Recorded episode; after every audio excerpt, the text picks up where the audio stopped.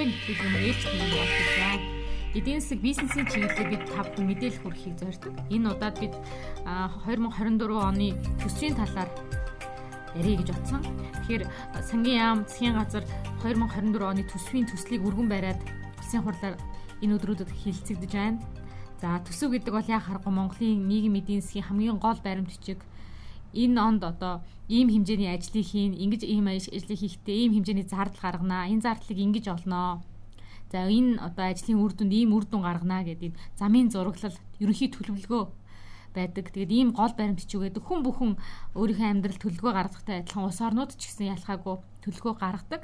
Ерөн зөвхөн Монгол гэлтгүүгээр дэлхийн бүх орнууд ийм төсөв төсвийн бодлогыг боловсруулж түүнийг баталдаг байгаа. За Америкийн нэгдсэн улс ихэд ялгаагүй 10 дугаар сард мөн төсвийн бодлого хилцээр хүлээгдэж байна. За мөн дэлхийн бусад орнуудын төсвийн бодлого ингээд араараасаа явж байна. За 2024 он буюу эх оны төсвийн одоо төсөл дээр ямар онцлог зүйлүүд байваа гэдгийг харах нь зүйтэй. Тэгэхээр бидний амьдралд хамгийн их хамаатай ямар зүйл байваа. Ер нь төсвийн ингээд том тоонууд их 80 тэрбум ингээд том тоо ярихаас өмнө хүнд эргэнд энгийн айл өрхөд ямар хамаарал одоо бий болж байгаа вэ гэдгийг харах зүйтэй. Тэгэхээр төсвийн төсөл туссан зарим одоо онцлог мэдээллийг хүрэхэд бол эх хонд хүүхдийн мөнгийг үргэлжлүүлнээр үргэлжлүүлнэ гэдгээ бол засгийн газар мэдгдсэн. За мөн цалинтай ээж хөтөлбөрийг хэрэгжүүлж байгаа. Энэ хөтөлбөрийг үргэлжлүүлэхээр болсон. За эх оны 4-р сард бол төрийн албан агчдын цалин, тэтгэвэр тэтгэмж халамжийг нэмнэ гэдгээ бол мэдэгдээд байна. Инфляцтай уялдуулж нэмэхээр яг хэд гэдэг нь биш. А инфляцийн одоо өсөлтөд уялдуулж энэ одоо цалин тэтгэврийг нэмэх тухай асуудал хөндөгдөж байгаа. За мөн орон нутагт ажиллаж байгаа төрийн албан хаагчдын одоо цалин нэмэхээр болсон. Ингэж нэмэхдээ бол 20-оос 40% нэмэгдлийг орон нутгийн одоо төрийн албан хаагчдад олгоно гэдгийг мэддэг байгаа. Тэгэхээр ер нь одоо сүүлийн жилүүдэд тулгарч байгаа нэг асуудлын хувьд гэх юм бол энэ орон нутагт одоо орон нутгаас бусад хотуудыг чиглэх энэ урсгал нэмэгдэж байгаатай холбоотойгоор орон нутгийн төрийн үйлчлэгээний байгууллагад ажиллах хүмүүс юусоо байхгүй байна. Хүний нөөцийн дутагдалд орж байгаа гэд татварын байгууллагууд дээр орон нутгийн сургуулиуд, цэцэрлэгүүд дээр ажиллах хүн байдгүй. Тэгэхээр энэ орон хөдөөнөөс хотыг чиглэх энэ урсгалыг бууруулахын тулд орон нутагт ажиллах төрийн албан хаагчдад одоо нэмэгдэл олохоор болсон байна. За суманд ажиллаж байгаа төрийн албан хаагчдын хувьд 40% нэмэгдэл авна. За харин аймагт ажиллаж байгаа төрөө албан хаагчийн хувьд гэх юм бол 20% нэмэгдлийг олгоно. За энэ нэмэгдэл олгох үйл ажиллагаанд ойролцоогоор 105 мянган одоо төрийн албан хаагч багтах ийм одоо төлөвтэй байгаа. За нэмэгдлийн нийт түн нь бол 306 тэрбум төгрөгийн нэмэгдлийг олгоно гэсэн мэдээлэл бол байна. За мөн одоо ипотекийн зээлийн хэмжээг нэмэгдүүлж байгаа. За эрүүл мэндийн салбарын хувьд хит хитэн бас гол зүйлийг хийгээ төлөвлөж байгаа. Үүнд эд эс эргэтэн шилжүүлэн суулгах юм одоо төв барихаар болсон. За мөн зүрх судасны төвийг бас барьж байгуулна гэдэг ийм бидэнд хамаатай ийм бодлого чиглэлийн өвдөх юм бол ийм зүйлс бол эхний ээлжинд гараад байна. За мэдээж төсөвтэй холбоотой мэдээллүүд цаашдаа ч гэсэн зөвхөн манай радио төдийгүй одоо бусад хэл мэдээллийн хэрэгслүүдээр явах байхаа. Тэгэхээр дараагийн дугаартаа ч гэсэн та бүхэн бас төсвийн өөр бусад мэдээллийг хүргэе. Эхний одоо өргөн барьсан төсөвтэй холбоотой зарим мэдээллүүд бол ийм байна За гол мэдээллүүд юм байгаа бол нөгөө талд ер нь төсвийн том тоонууд гэж яригддаг. Одоо энэ зарлагын хувьд, орлогын хувьд ямар аваа гэдэг асуулт мэдээж урган гарна. Тэгэхээр энэ жилийн хувьд одоо одоо өргөн баригдаад байгаа энэ төсвийн төслийн хувьд гэх юм бол сонгуулийн жилийн төсөв Тэр утгаараа эдийн засгийн дундч тэр ер нь бас төсөв нэлээд тэлж орж ирэх болов засгийн газар төсвийн зарлага нэлээд өндрөөр өсгөх болов гэсэн хүлээлт байсан. Яг энэ одоо хүлээлтийн дагуу ч гэсэндээ засгийн газар урд өмнө баг байгаагүй их хэмжээний зардалтай. За мөн энэ зардлын тэлэлт нь өөрөө сүүлийн жилүүдэд ерөөсө харагдаагүй их хэмжээний одоо зардлаа өсгсөн ийм одоо төсвийг өргөн барьлаа. Тэгэхээр энэ бол бас яах аргагүй одоо шүүмжил дагуулахаар ийм сэдв болж байна. Тэгэхээр төсвийн нийт зарлага бол 27 их 80 төгрөгийн зардлыг гаргахаар бол боллоо. За энэ бол энэ оны өмнөх төсөв буюу одоо хэрэгжиж байгаа энэ оны төсөвтэй харьцуулаад үзэнгүүт баг 5 их 80 төгрөгөөр өсгсөн ийм хэмжээний зардалтай энэ төсвийг өргөн барьж байна. Тэгэхээр энэ бол бас яах аргагүй юм шүүмжлэх ёстой сэдвийн нэг болоод байна. За төсвийн орлогын хувьд гэх юм бол одоо ойролцоогоор 25 их 80 төгрөгийн орлогыг олноо. За тэгээд төсөв бол ойролцоогоор нэг 2 их 80 төгрөгийн алдагдaltaй байна гэд ийм төсвийг бол гаргаад байна. За эдийн засгчдын хувьд ч тэр ер нь бол энэ жилийн төсөв бол ингээд нэлээд сонгуул ухтсан. За одоо маш сайхан сайхан ийм бүтээн хийн гэсэн ийм ажил амлалтуудыг гаргаж байгаа хэрнээ нөгөө төсвийн мөнгөөр сонгуулийн шоуга хийх гэсэн эсвэл төсвийн мөнгөөр тойргоо услах гэсэн ийм их зардал ихтэй төсөв боллоо гэдгийг бол эхнээсээ бол хэлж байна. Маш одоо өсгсөн тийм одоо ийм төсвийг өргөн барьсан гэдгийг бол хэлж байгаа. За мэдээж төсвийн зардал ингээд 5 их 80 төгрөгөөр өсч гинэ гэдэг бол энэ зардлыг бид нэр төлж таарна гэсэн үг. Тэгэхээр төр ол өөр ашигтай ажилдаггүй учраас энэ 22-оос одоо 27 их 80 болтлоо өсөд байгаа энэ зардлыг бол ямар нэг байдлаар хин нэгэн төлнө. Тэгэхээр төсвийн одоо орлогыг бүрдүүлж байгаа хүмүүс нь бол та бид татвар төлөгчүүд, аж ахуй нэгжүүд, иргэд иргэдийн одоо төлсөн татвар хураамж бүх төрлийн одоо төлбөрөөс бол төсөв бүрддэг. Тэгэхээр төсөв тэлж гинэ гэдэг бол та бидний төрд өгөх, төсөв рүү өгөх нөгөө мөнгө л нэмэгдэж гинэ гэж нэг талаасаас ойлгож олноо. Тэгэхээр энэ сайхан сайхан амлалт, сайхан сайхан зорилгын цаана дандаа бидний нөгөө халааснаас гарах мөнгө яригдж байдгаа гэдгийг та бүхэн бас эндээс харах боломжтой. За Монгол банкны судалгаа байдаг. Тэгэхээр төсөвт хэлнэ гэдэг бол нэг талаас ингээд их сайхан бүтээн байгуулалтууд яригдж байгаа боловч нөгөө талдаа зах зээл рүү эдийн засаг руу маш хэмжээний мөнгө ингээд гараад ирэхээр нөгөө инфляц гэдэг зүйл бол эрчимждэг. Нөгөө бидний худалдаа авах чадвар буюу төгрийн үн зэн дандаа өнгөөдөж байдаг.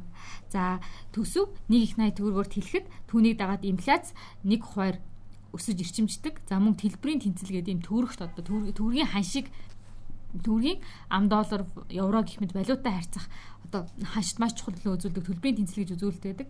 Энэ төлбөрийн тэнцлийн дарамт нь 1 их 80 төгрөг тутамд бол 150 сая Америк доллар нэмэгддэг гэсэн юм тооцоо байдаг. Тэгэхээр төсвийн хилэлт бол нэг талдаа сайн юм шиг хэрнээ нөгөө талдаа ийм сөрөг нөлөөг дандаа үзүүлж яадаг. За ийм зүйл байгаа. Тэгэхээр та бүхэн өнгөрсөн жилүүдэд ингээд инфляц барааны үн ингээд буурснаас болоод маш их хэмжээний төсвийн нээлттэй одоо бодлого явуулсантай холбоотойгоор бидний худалдаа авах чадвар, цалин орлого яаж буурсныг надаар хэлэлтгүй та бүхэн мэдж байгаа. Бид нэр 3 жилийн хугацаанд маш өндөр инфляцтай ингээд явж байна. Цалин олоод байдаг, орлого олоод байдаг. Яг үлдэж байгаа нь хэдилээ тийм ээ. Бараа бүтээгдэхүүний үн ханш буur өссөн. Тэгээд ингээд иргэдийн нөгөө гарт үлдэж байгаа бодит худалдаа авах чадвар, бодит орлого гэдэг зүйл бол буурдаг. Тэгэхээр ийм сөрөг нөлөө бол инфляцид байдаг. А гэтэл нөгөө тал төсвийг ингээд хилээд байгаа нөгөө нэг бидний халаасыг сэгсрээд байгаа инфляцийг өдөөх нэг гол хүчин зүйл болтгоо гэдгийг бол мартаж болохгүй. За өмнө нь хэлсэнчлэн төсөв бол өмнөх одоо энэ оны төсөв эх оны төсөв энэ оны төсөвтэй харьцуулахад 5 их 80 төгрөгөөр тэлж байгаа. Тэгэхээр Монгол банк хэд хооцоолт үндэслээд үсэх юм бол 5 их 80 төгрөгийн тэлэлт гэдэг бол инфляцийг 5 хувиар өсгөнө гэж ойлгож олно тийм ээ. Нэг их 80 төгрөг тутамд нэг хоёр инфляц өсдөг гэж үзэх юм бол за мөнгө төлбөрийн тэнцлийн дарамтыг бол ойролцоогоор 750 сая Америк доллараар нэмэгдүүлэх төлөвтэй байна. Төлбөрийн тэнцлийн дарамт нэмэгдэнэ гэдэг бол нөгөө төгрөгийн ханш валюттай харьцах, доллартай харьцах, евротой харьцах, юантай харьцах, йентэй харьцах нь төгрөгийн ханшид дандаа дарамт болж төгрөг дандаа хүчгүүднэ гэсэн үг. Тэр валютад эсрэг. Тэгэхээр ийм том нөлөө ол үзүүлдэг.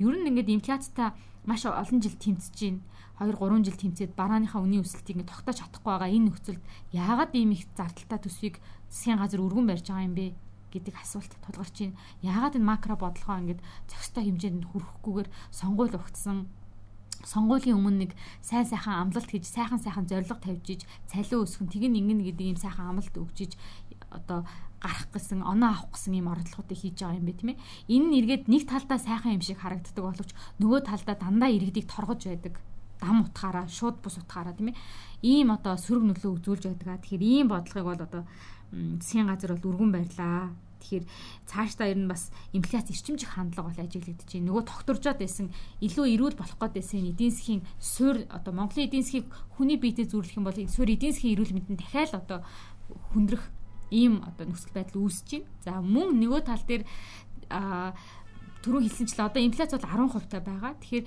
төсвийн бодлого эх хонд явуулаад эхлэх юм бол нөгөө өмнө хэлсэнчлэн 5 хувиар өснө гэсэн. Ингээд үсэх юм бол инфляц бараг 15% хүрэх юм эрсдэл байна. А гэтэл инфляц төгрөгийн өмнө хариуцлах хүлээдэг нэг байгууллага бол Төв банк. Тэгэхээр Төв банкуд эх хонд төсвийг э, инфляцийг 8% барина гэдэг юм зорилго тавьчихад байгаа. 6-аас 8%. Тэгэхээр 15%-ийн өндөрт хүрэх инфляцийг хүрэх эрсдэлтэй байгаа инфляцийг 8% руу бууруулахын тулд Төв банк өөрийн арга хэмжээг авч таарна. Ягаад тэгэхээр тэр банк өөрөө төргийн өмнө хариуцлага хүлээдэг. Тэгэхээр Төв банк бол өөрийн бодлого, зорилго одоо өөрт байгаа зэвсэг а бодлогын арга хэрэгслүүдээр хэрэгслүүдээрээ дамжуулаад бол одоо энэ инфляцийг сааруулах гэж оролдоно. За хамгийн төв банкнд байх боломжит арга хэрэгсэл нь бол бодлогын хүү гэж байдаг. Тэгэхээр энэ бодлогын хүүг ашиглаж таарна. За хэрвээ ингээд эдийн засаг сайжраад эхлэх юм бол уг нь бол төв банк ингээд бодлогын хүүгээ бууруулахаар зорж байсан. За бодлогын хүү буурна гэдэг бол зээлийн хүү буурна гэсэн үг.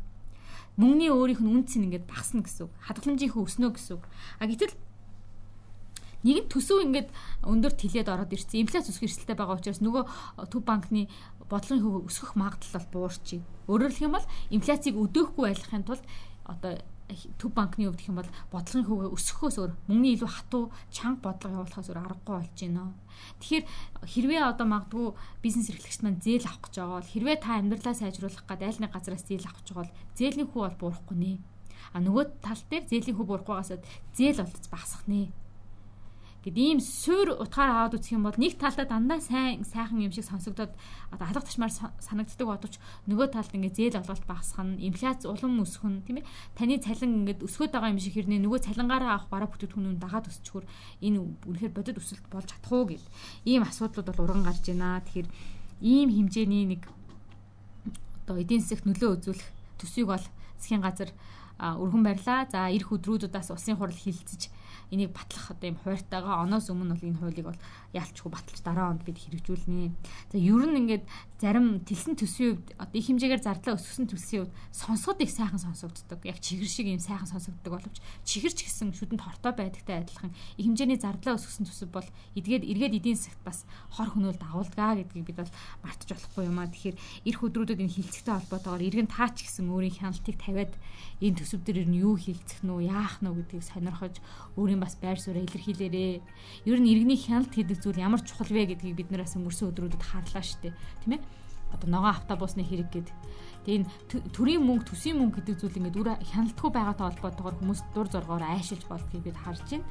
За тэгээд энэ төрийн мөнгө, нийгмийн мөнгө, олон нийтийн мөнгөтэй холбоотой юм төсвийн мэдээллийг сонсогч та бүхэндээ хүргэлээ.